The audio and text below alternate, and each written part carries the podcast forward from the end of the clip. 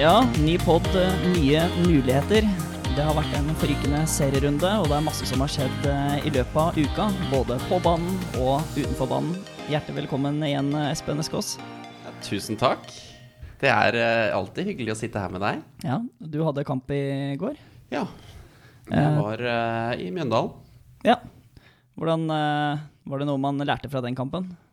Er, vi lærer jo alltid noe fra kampene. Det er det som i hvert fall er sikkert nå når det er høst og, og man virkelig kniver på poengene, er at det, det, betyr ganske mye for lagene. Det er masse situasjoner som Eh, du ser spillere, trenere og publikum eh, er ganske interessert i å, å få til sin eh, side, så, så, det er spennende. Ja, så er det bra.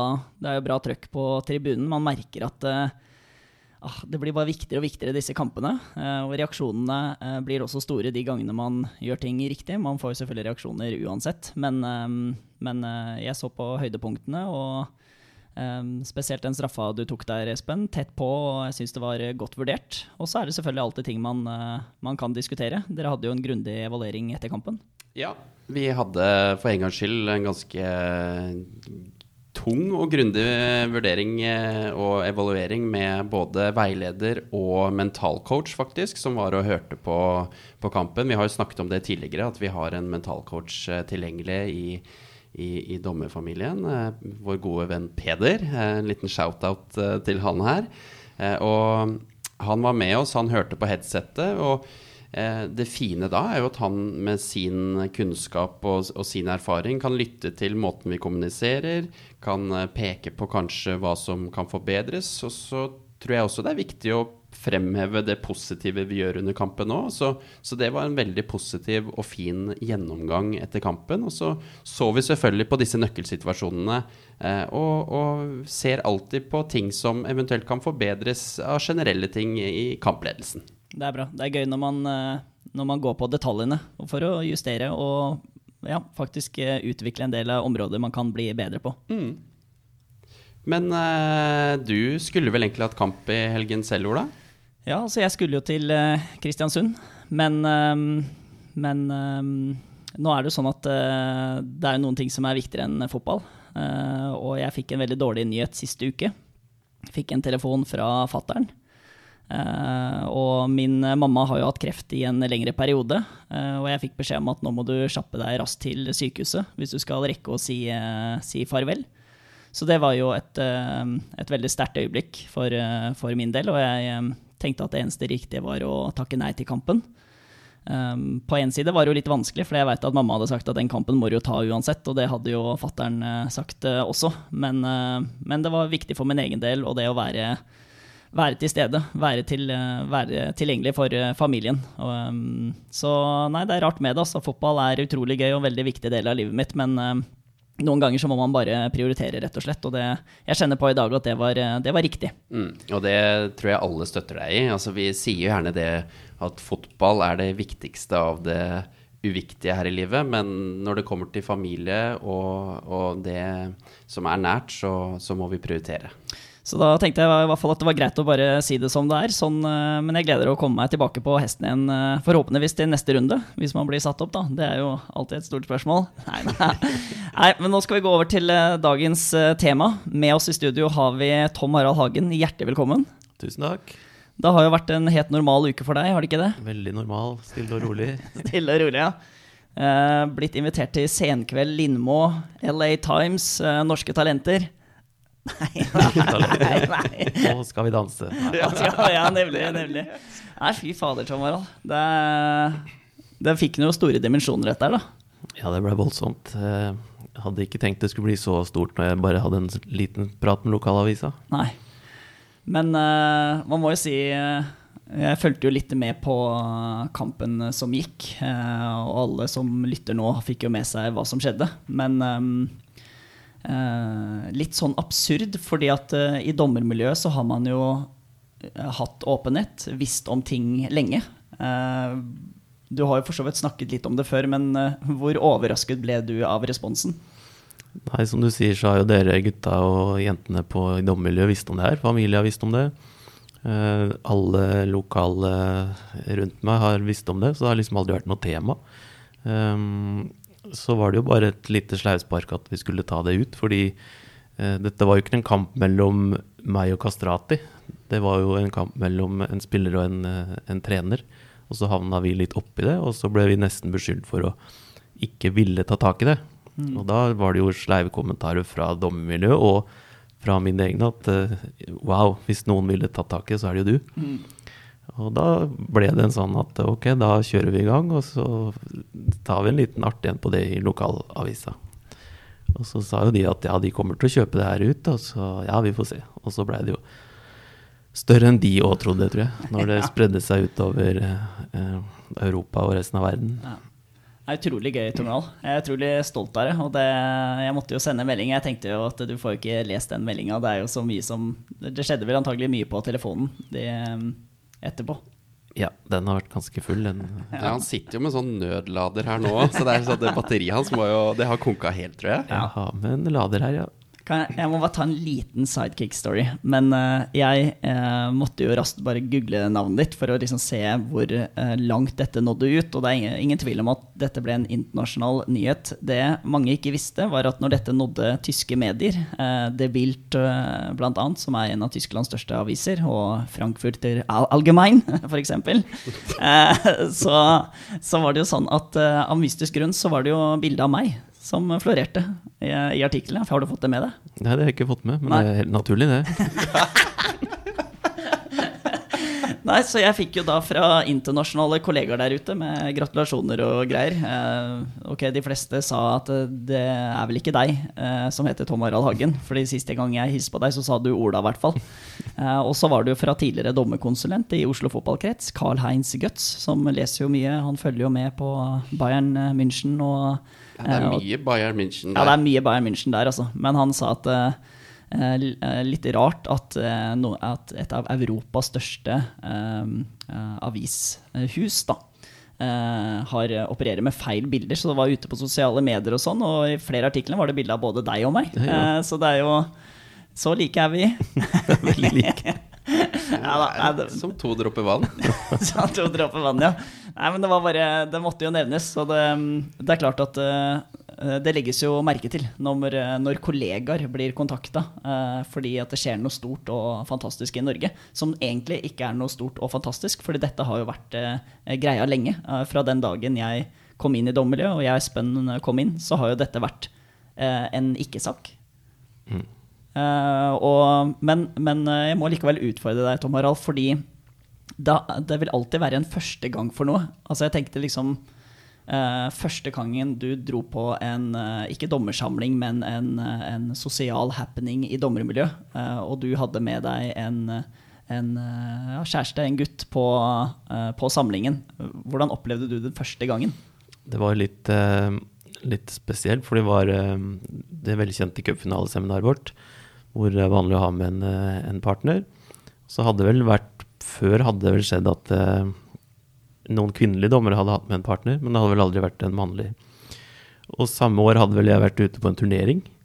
Så da er det jo sånn at den som sitter hjemme, skal få en, eh, en eh, blomst. Og da var det jo litt skummelt når min partner skulle opp og hente den blomsten. Og så husker jeg styret i foreninga spurte er det greit at skal vi kutte ut det i år, eller ettersom du har, ettersom du har med en gutt. Så sa han nei, selvfølgelig ikke, vi skal da ha blomster. så tusla han opp og henta blomst. Ja. Når var dette her, da? Ah, det husker jeg ikke. Kan ha vært i 2008, kanskje. Ja. ja, ikke sant. Det viser jo bare hvor langt tilbake vi må, da. Så ja.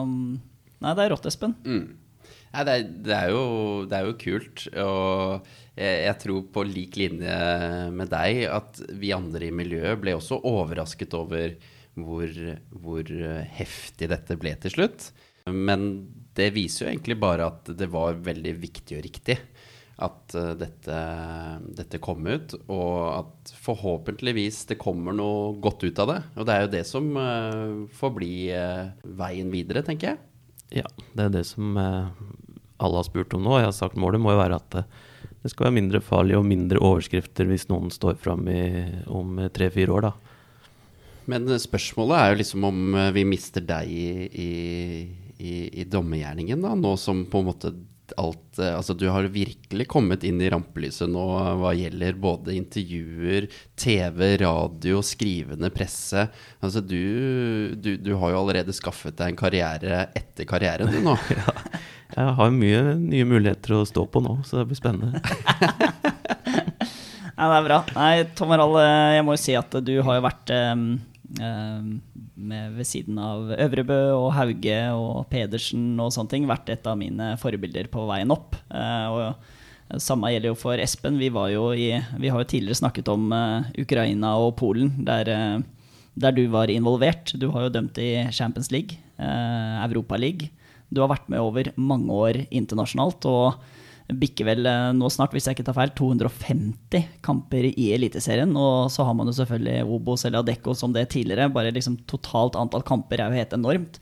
Og på toppen av det så er du jo ekstremt dedikert i dag. Eh, ærlig, åpen eh, og en god representant for eh, dommermiljøet. Um, så egentlig liksom eh, har jeg ikke noe spørsmål, men jeg vil bare si liksom, tusen takk for at du er den du er uansett. Og for meg var det ikke noe sånn at du Eh, er noe annerledes fordi du liksom gikk ut i media. Jeg følte egentlig at det var total åpenhet rundt det i utgangspunktet, og det var vel sånn du opplevde det også. Men jeg tenker liksom du er et forbilde på veldig mange områder. Um, har du tenkt noe liksom på hva du har lyst til å jobbe med videre? Altså hvilken rolle du ønsker å ha? Har du tenkt noe liksom på Ja, nå har vi jo Jeg er jo med som coach og mentor og veileder i dag. Um, så går det jo ekstremt mye tid til fotball nå. Så jeg har begynt med litt andre ting, litt golf, prøve å få Det er vel ikke bare litt golf? det har vært mye golf i år, i koronagolf. Eh, men det er klart, jeg ser jo for meg Nå har jeg ikke lyst på å slutte enda å dømme heller, men eh, det håper jeg ikke. når tiden er inne og vi slutter, så ser jeg jo for meg at jeg har lyst på å gi litt tilbake og fortsette inn den eh, coach- og veilederbiten som vi har i dag. Ja. vi har spilt golf sammen, vi. Vi var gode, syns jeg, nede på Marbella. Ja. ja. Så var jo det ene skuddet der, husker jeg, gikk jo inn uh, i et hus, uh, mener jeg husker. Heldigvis så var ikke huset ferdigbygd ennå. Det sto jo noen arbeidere der inne og jobba. Så da tenkte jeg at da la jeg den uh, golfkarrieren på hylla. Man kaller det ofte slag ja. i golf, og ikke ja, skudd. Jeg, skulle okay, også til okay. å si det at her Var det fotballgolf dere spilte, eller var det, Hagen, du er sånn fin sånn Vi kaller det ofte Vi kaller det ofte det. Ja, det er bra. Nei, det var jo Der hvor jeg kommer fra, så blir det vi Bruker vi kalle. ja, fantastisk, altså. Helt, eh, helt nydelig.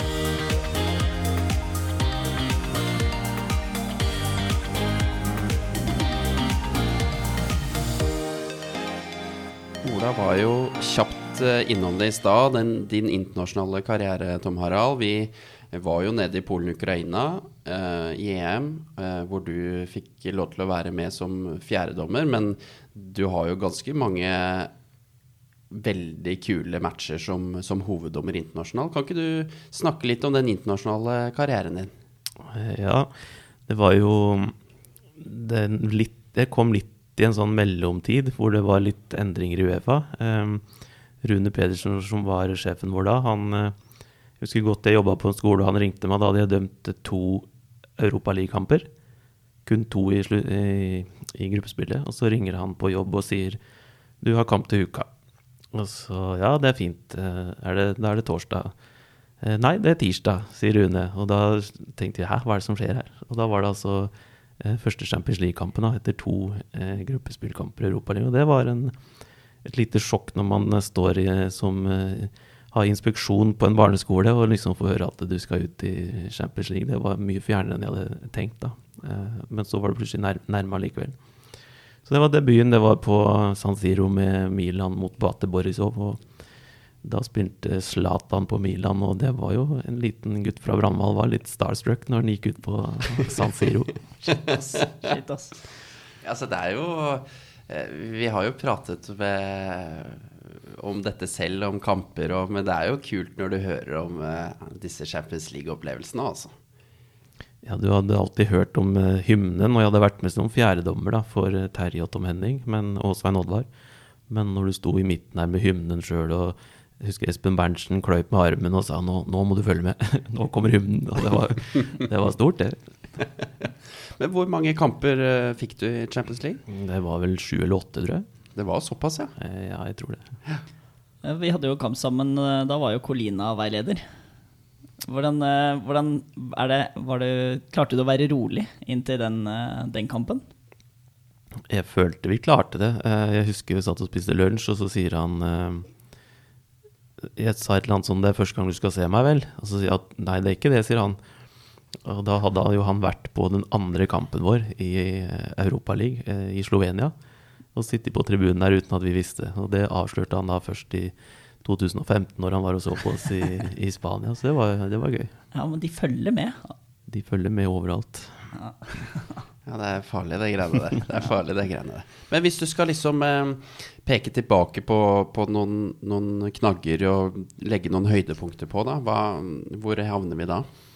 Det er klart, eh, du nevnte eh, EM-sluttspillet i 2012. Det var jo en, et høydepunkt. Det var litt sånn eh, Vi håpte jo å få med et dommerteam. Mm. Og rett før jul så ringte jo Colina til meg og spurte om jeg hadde tid til å være fjerdedommer. Eh, som eneste fra Norge. Og det var litt sånn det var en liten skår i gleden, for vi hadde håpet å få et norsk team. Og så var det jo en stor opplevelse for min del, så det var litt sånn eh, dobbel eh, Litt glede, litt skuffelse for, for norske dommere. Men når jeg kom ned dit, det var en fantastisk opplevelse å være med på tre kamper på det høyeste nivået vi har i Europa. Det var, eh, det var stas. Og så var det vel sånn dommermessig Det høydepunktet var vel kanskje en eh, 16-delsfinale i Europaligaen mellom Manchester City og Sporting Lisboa. Det var, da kokte det godt, og det var en utrolig artig opplevelse. Ja, ja det tror. Da var det stort. Vi hadde et, eh, en, eh, en gruppe på La Manga som vanlig, på treningsleir. Og alle hadde sittet der og sett på og sendte meldinger etterpå. Det var uh, fantastisk. Mm. Men eh, jeg ble jo også internasjonal i eh, på en måte mot Colinas eh, sluttperiode i Uefa, mens du på en måte var, var med når, når han regjerte sånn sett. Og det er jo ikke feil å si at hans eh, måte å å gjøre ting på var spesiell for noen, og det var jo et veldig fokus på, på fitness og, og fettprosent og, og det å på en måte se bra ut. Hvordan var ditt forhold til det? Nei, vi var jo midt i et skille. Eh, Tom Henning og Terje og jeg og Svein Oddvar. Vi, vi kom jo inn Jeg kom over inn når de var i ferd med å runde av. Um, da var det jo veldig lite fokus på det med Vi hadde jo fysisk tester, men det var det, var det liksom. Så kom jo den her hvor det, vi skulle begynne med fettmåling, veiing. Jeg husker veldig godt vi gikk over til den nye jojo-testen. Eh, Jeg, hadde jo, jeg prøvde den på julaften og hadde ikke mulighet til å ta den. Og så skulle vi da på kurs eh, i slutten av januar, og jeg trente jo knallhardt for å klare jojo-testen. Og kom ned der og som én av to bare som klarte den i den talentgruppa som vi var i da. Og så kommer ledelsen bort og liksom jeg tenker nå får jeg skryt for det. Og så ble jeg skjelt ut fordi at jeg hadde lagt på meg to kilo. Så det er harde tak. Ja.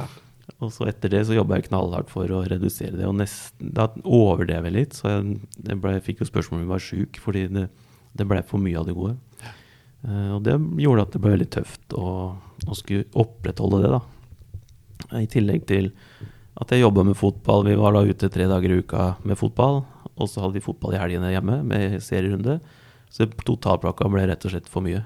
Det er klart at eh, i Uefa så har det jo vært ulike perioder med ulike ledere, og fokuset går jo litt sånn i sykluser. Altså Noen ganger så er det liksom ute etter personligheten, de, de ser etter andre ting, og i perioder er man ekstremt ute etter liksom den idrettsutøveren. Eh, og noen ganger idrettsutøveren og veldig fokus på dette med vekt og, og fettprosent. Man, eh, alle i dette rommet som står her nå, har jo stått i en bokser i et, eh, i et rom på rekke og rad, der de skal stå, sette klypa inn og gi på en måte en feedback på liksom er det Klippa på, ikke inn. Men. ja, helt riktig. Ja, Espen er i slaget. Nei. Nei. Dette er bra. Nei, da. Nei men, eh, men det, er, det er godt poeng. Altså det er, eh, det er, eh, man måles på teorien, man måles på eh, løpetesten. Nå er det jo sånn at man nå holder det egentlig ikke bare å klare løpetesten. Nå går de inn og så sjekker de pulstida di òg. Hadde du vondt, bare pressa du deg gjennom? Eller hadde du en, eh, falt pulsen riktig mellom på en måte øktene?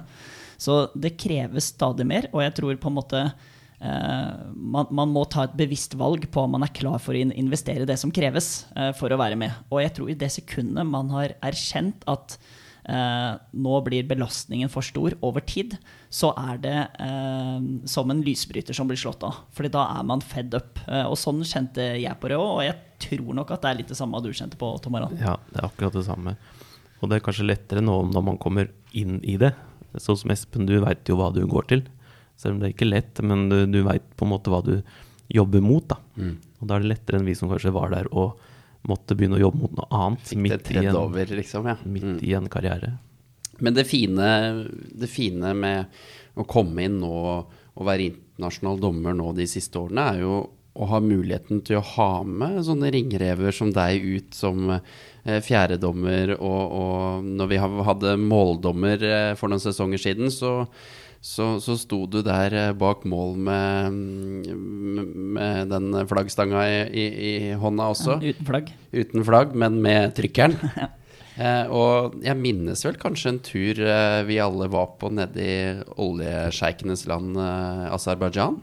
Ja, det er riktig. Og der, eh, for å ta en liten sidekick-story der, da når jeg debuterte i Europa League, eh, da var vi jo i Romania, mener jeg. Eh, stemmer ikke det, Tom Harald? Jo, det tror jeg stemmer. Ja, og da Veilederen eh, kjente jo ikke til meg. Jeg var jo pissnervøs og skulle debutere på, et, eh, på, på, det høyeste nivået jeg hadde vært på. Og jeg husker jo veldig godt etter kampen. Nå var det jo veldig spesiell kamp, fordi vi skulle jo inn i en sånn russisk område, og det var checkpoints, og det var det ene og det andre, og vi kom oss på en måte gjennom kampen, men veilederen så veldig ofte på deg eh, når vi hadde feedbacken og spurte hva du tenkte, Tom Harald. Og da, da tenkte jeg faktisk at nå, nå min, ligger min karriere i Tom Harald sine hender. Fordi veilederen Husker du det, eller? Jeg husker godt. Moldova var vi, tror jeg. Ja. Moldova, ja. Sheriff ja, ja. Tiraspol. Stemmer det. Altså For en reise så langt vi måtte kjøre med bil for å komme til den kampen. Ja, ja det var skuddsikker eh, transport det, gjennom eh, landet der. Og jeg husker det veldig godt, og det var jeg som måtte redde deg som vanlig. Jeg snakka deg opp i karakter, og vi kom oss greit igjennom. Ja, men det er, det er, ofte litt tilfeldigheter. Og det er klart at når det er en myndig veileder der som sier eh, Tom Harald, what, what do you think about the performance of Haber Nilsen here? Ja, I think, uh, I think very good performance. Og jeg bare Å, du skal få en øl etterpå. vi må stå, stå, sammen når vi er ute. Ja, det er, eh, det er, riktig. Men så er det som Espen sier, vi var jo i Aserbajdsjan, mener jeg. Det var mot eh, Kosovo. Eh, det var jo en stor arena. Hva het den arenaen igjen, da? Nei, det er vel noe sånn Olympiastadionopplegg i Baku. Ja, da, Alt der nede er jo ganske svært. Ja, altså det er en flott arena. Det er jo dette lysshowet utenfor der som går hele tida. Og eh, nå husker jeg egentlig ikke så mye av kampen. Gikk vel eh, greit. Eh, fint hotell vi bodde på, flotte rammer. og Eh, nå er jo da Hagen med som en støttespiller med erfaring og den biten der. Eh, og jeg tenkte jo faktisk når jeg var på turen at shit, ass, Tom Harald har vært med på mange flyturer, vært med på mange reiser og sånne ting. Så jeg har hele tida tenkt på hvor takknemlig jeg er for at han er med på turen. Og så er det jo sånn at eh, når kampen er over og sånne ting, og Tom Harald har sikkert tenkt mye igjennom eh, liksom belastninga dette er. Han har gitt seg som internasjonal dommer, og nå er han med for å backe opp disse unge eh, ringrevene som surrer til i det ene og det andre, og du må redde og stå på samtaler og irettesettelser. Og da husker jeg vi satte oss ned i resepsjonen etter kampen, eh, og Tom Harald, du så rett mot meg, og så sa han Ola, jeg gidder faen meg ikke dette her lenger, altså. jeg, jeg, nå er jeg så Jeg er så møkk lei denne reisinga og det styret og, og, spillet og liksom samtalene som skal på en måte være så hyggelige rundt bordet. Og, fordi det er jo en spesiell setting vi er i. Man blir jo evaluert fra første sekund du går ut av den flyplassen, til du møter en, eh, en vert som skal følge oss, og du skal ha hyggelige samtaler med veilederen, og vi skal fremstå så flinke. og liksom, det, det, krever så mye. Men jeg husker denne der, eh, og igjen litt sånn i forhold til dommermiljø. den åpenheten, ærligheten eh, Det var ikke noen tekstmelding du tok opp dette på. Du var liksom Ola, jeg må bare være ærlig, men jeg, jeg er så ferdig med det greiene her, altså. Det her gidder jeg ikke lenger. Eh, og det var, jo, det var, jo, tommel opp fra meg den gangen, men jeg husker samtalen veldig godt, da. Og det er som du sier, det blir en sånn eh, Det er jo en veldig sånn rutineprega hverdag når du dømmer ute.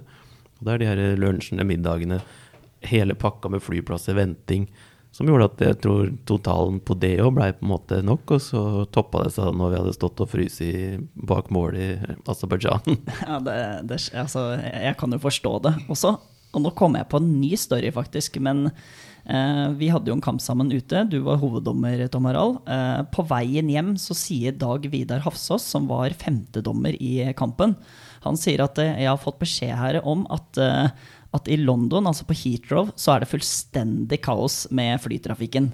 Og, og jeg tror du var litt sånn, og jeg kjenner meg igjen i at etter du har hatt et internasjonalt oppdrag ute, eh, så kjenner du deg litt sliten mentalt og fysisk. Du orker egentlig ikke å ta for mange beslutninger. Og, og jeg bare smilte og var på en måte glad en lykkelig sjettedommer som eh, kunne nyte litt godteri på launchen, f.eks.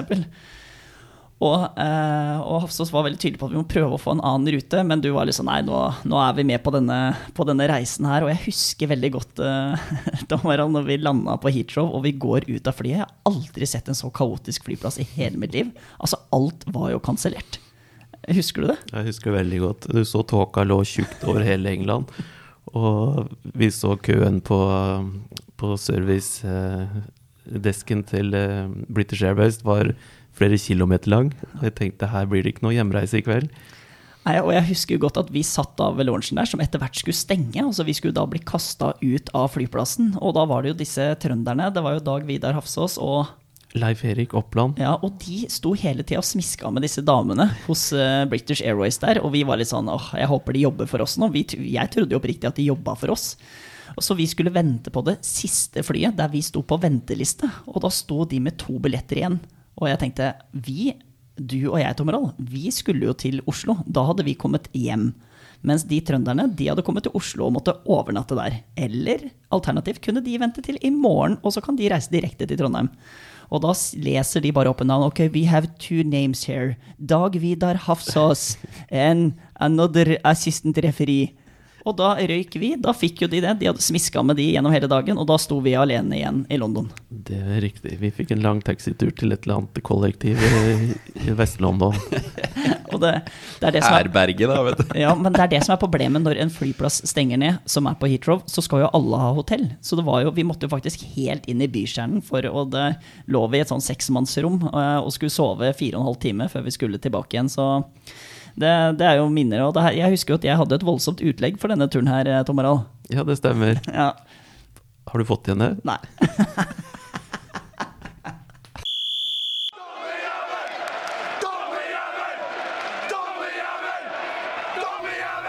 Etter en ganske spesiell uh, uke, Tom Harald, med masse utenomsportslig fokus, så dømte du jo kamp nå i helgen. Og du hadde jo i tillegg med deg eh, fullt cruise og fulgte deg fra dør til dør og, og, gjennom kampen. Hvordan er det du har klart å, å, på en måte rette fokus inn mot kamp? Hvordan treffer du riktig tenningsnivå? Hvordan klarer du å legge ting litt vekk i disse to ganger 45 minuttene på banen?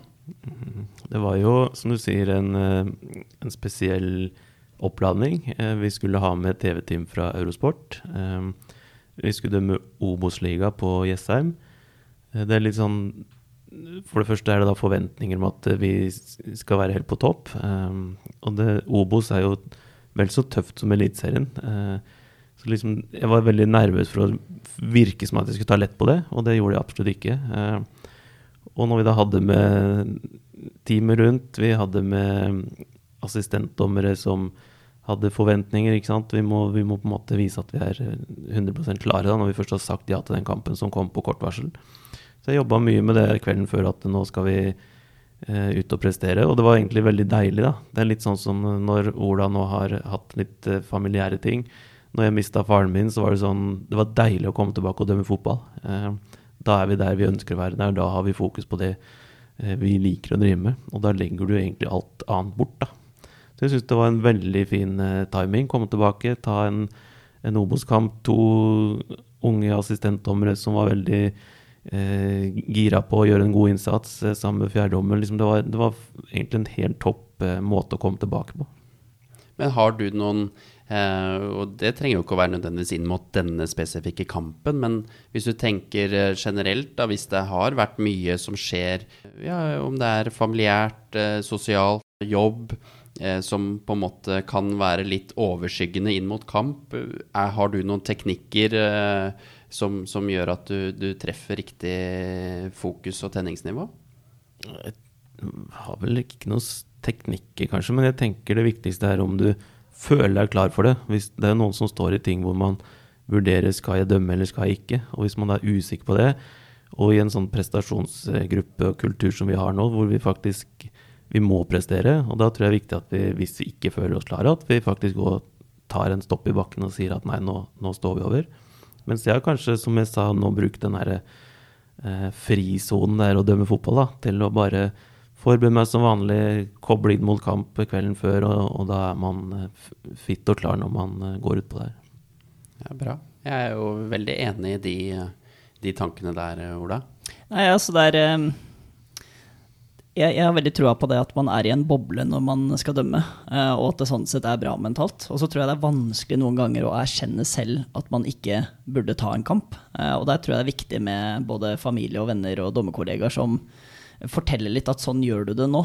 For fordi det er litt sånn min avveining i det caset jeg var i nå, var at jeg visste at det hadde betydd mye for de involverte, faktisk, at jeg hadde tatt kampen. Men eh, så må man på en måte se både innover på seg selv eh, og de som er rundt. Hva, hva, hva er egentlig lurt å gjøre? Altså, det kommer nye kamper, så, så men, eh, men, jeg tror det er bare den, det med et godt dommermiljø, altså å søke råd hos andre. Uh, og jeg må jo si at jeg fulgte litt ekstra med på kampen i går. Uh, og måtte jo sende melding også til Marius Grøtta, som tok kampen min i Kristiansund. Uh, og jeg sa solid levert på kort varsel. og han sa tusen takk, håper det går bra med deg. Og jeg tror du gjorde en veldig klok vurdering. Og det viser liksom bare den, den støtten vi har, og at vi følger med på hverandres kamper og heier hverandre frem. da og jeg må si at det er noe som har vært positivt de siste ukene. For det har jo tidligere perioder vært litt fokus på hvordan er egentlig dommermiljøet. Og litt av utfordringen er at dommermiljøet har vært bra, i mine øyne. Og det har vært helt unikt i mange, mange år. Uh, og så har man hatt, ja, man har hatt en sak som mange kjenner til, uh, som har stilt noen spørsmålstegn. Men det er så godt med det saken vi har nå, det som har rullet og gått litt, som beviser med to streker under svaret at dette er et åpne og inkluderende dommermiljø har vi hatt i mange, mange år. Uh, og det ble jo på en måte stadfestet igjen via Tom Harald Hagen og hele den saken der. Helt enig. Det er et godt poeng det du sier. Jeg husker i høst når eh, jeg skulle dømme en eh, kvalikkamp på Åråsen og ble skada. Og var litt usikker på om jeg skulle reise og ta den. Og stakkars Ola, fjerdedommer, måtte steppe inn kvelden før. Ja, Lillestrøm start, ja. Ubetydelig kamp, det. Ja, ubetydelig kamp. Det blei jo et, et, fyrverkeri. Og jeg har nesten ikke vært så nervøs når jeg har sittet og sett en kamp noen gang, for jeg var så redd for at jeg skulle ha gjort at du fikk dårlige forberedelser. Og så går du ut og dømmer til eh, ti blank, og det var jo helt strålende. Nei, det var eh, Nei, det er hyggelig du sier, eh, Tom Harald. Og så er det litt sånn at den, den, kampdagen inn mot akkurat den kampen, så ringer jo Dag Roger ned med meg, og så sier han Ola, du er vel klar over at det kan smelle litt i denne kampen her? Jeg bare håper ikke at du tar litt sånn lett bare, da. Og, og da begynte jeg egentlig å skjønne at oi, dette her kan jo ta helt av. Så igjen, man er så avhengig av kollegaene på å, skjønne alvoret, og at man heier på hverandre. Ja, Gode forberedelser, riktige forberedelser og, og treffe på tenningsnivå inn mot kamp er avgjørende. Og det er ikke alltid man eh, treffer selv, og da må man eh, ha litt fallskjerm eh, rundt seg, så trekke inn. Ja, og så tror jeg det er viktig at uansett hvilket nivå man dømmer på, så er det sånn at vi har alle masse tanker i hodet eller forstyrrelser eller stress på jobb eller ting som skjer hjemme og sånne ting, da. Men det å eh, ha fokus på de rette tingene, prate om ting med dommerkollegaer, fokus på arbeidsoppgavene, Eh, er veldig viktig. Og det er jo teknikker man kan ta med seg enten man dømmer i Eliteserien eller er rekrutteringsdommer. Mm, helt klart. Tom Harald Hagen, du er en uh, busy mann, og vi har faktisk uh, kommet uh, dit at du har andre viktige oppdrag på agendaen, så vi må nesten rett og slett få lov til å si tusen takk for at du hadde lyst til å komme til oss. Takk for at jeg fikk komme. Og så må man jo bare kunne si da, at vi, vi, har jo en quiz etterpå, det skal vi komme tilbake til. Men uh, vi må nesten spørre om du kan eh, legge en signatur på den. Så uh, vinneren av quizen, som vi da skal kåre ved neste anledning, vil jo da få signert med Tom Harald Hagen. Det er flott. Den blir jo verdt mye, da. Tusen takk.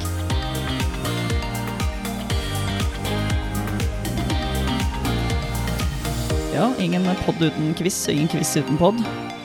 Vi er eh, der i dag også, er jeg redd. Ja, og det er jo gledelig at vi nå kan sitte her i studio, Espen, og vi har disse T-skjortene våre, som, eh, som har blitt eh, fryktelig fine, syns jeg. Ja, én ting er at de er fine, men de har jo blitt skrekkelig populære òg. Så, så her, her, er det bare å henge med. Ja, Med all ydmykhet, det er blitt populært. Nei, det er bra, det er bra. Nei, og vi har jo vi har jo sendt ut til de første ti vinnerne. Vært litt treige på labben med de to siste som har vunnet. Det er nå sendt ut. og Eh, nå har Tom Harald Hagen eh, forlatt studio, men har signert eh, da drakten for vinneren av dagens quiz. Men før vi går videre, så må vi jo få lest opp forrige, ukes, for, forrige rundes quiz og svaret der. Vil ja. du ta oss gjennom det, Espen? Ja, nei, Vi hadde jo et spørsmål som angikk at en, en målvakt på lag av av, faktisk. På lag A. Han var skrudd av. Ja, han var skrudd av på lag A. Han skulle ha, ta et målspark, altså en femmeter. Han sparker denne ballen, og det er direkte til eh, egen spiss, oh, ja. som er offside plassert. Og da var spørsmålet hva gjør du som dommer? Og vi trenger jo ikke å gå gjennom alle svaralternativene. Vi tenker som så at vi tar svaralternativ B. Vi lar spillet fortsette. Ja, og der kan man jo la seg lure. Vi har jo opplevd før at uh, et lite øyeblikk så hviler kanskje assistentdommeren, bare står og ser innover, tenker ikke over at dette er et målspark som gjør at det da ikke er offside uansett. Uh, og så plutselig kommer flagget opp, og plutselig så blir uh, hoveddommer overraska, og plutselig blåser han i fløyta, og så har vi egentlig blåst feil på den situasjonen. Men, ja, derfor så er det sånn ofte, da, nå, ikke i alle team selvfølgelig, men f.eks. i mitt team, så pleier vi kjapt å bare informere om at det er målspark, så assistentdommeren som venter i angrepssonen, eh, bare får en heads up på det at eh, da er det ikke offside. Ja, så der, Jeg liker kommunikasjon som er i forkant, og det er jo et godt eksempel på akkurat det. Der man sier ifra til assistentdommeren som skal snart ta en øvelse, at vær forberedt på at her trenger du ikke å ta offside-vurderingen. Men eh, gratulerer så mye som, til vinneren, da, som blir annonsert på nettsiden. Gratulerer! Yeah! Ja, så må vi også ha et uh, nytt uh, spørsmål her. Denne her er jo meget interessant, og her må man også kunne litt av regelboka sine uttrykk. Og det er fint for deg som også er fotballspiller og trener, når du skal i en diskusjon med en dommer. Uh, når man skal diskutere hvorvidt hvilke kriterier man skal legge noe på. Så spørsmålet er som følger. Det gis rødt kort for voldsom opptreden eller alvorlig brudd på spillereglene. Hvilke hovedkriterium må oppfylles for at det kan kategoriseres som alvorlig brudd på spillereglene? Så da har vi jo altså to begreper her eh, som blir brukt mye i dommergjerningen. Det ene er altså eh, voldsom opptreden og alvorlig brudd på spillereglene. Begge de to gir rødt kort. Spørsmålet er altså hvilke hovedkriterium må være oppfylt for at vi skal kategorisere det som et alvorlig brudd på spillereglene. Og da kommer eh, Svaralternativene A. Om det er kamp om ballen i situasjonen. B. Graden av voldsomhet basert på dommerens skjønn. C. Om handlingen utføres på eller utenfor spillebanen. Eller D. Om handlingen berører motspiller eller en annen person. Så her fikk vi litt uh, juss inn, men allikevel et aktuelt spørsmål, fordi det omhandler rødt kort. Og det er jo viktig når man har hatt en kamp som dommer man har gitt rødt kort, så må man også huke av for hvilke kriterier man har lagt det på, som igjen kan være viktig for disiplinærutvalg og andre som skal vurdere dette videre. Ja, det er riktig det. Det er jo viktig å ha alle opplysningene korrekt når eh, de skal eh, utmåle antall kampers karantene.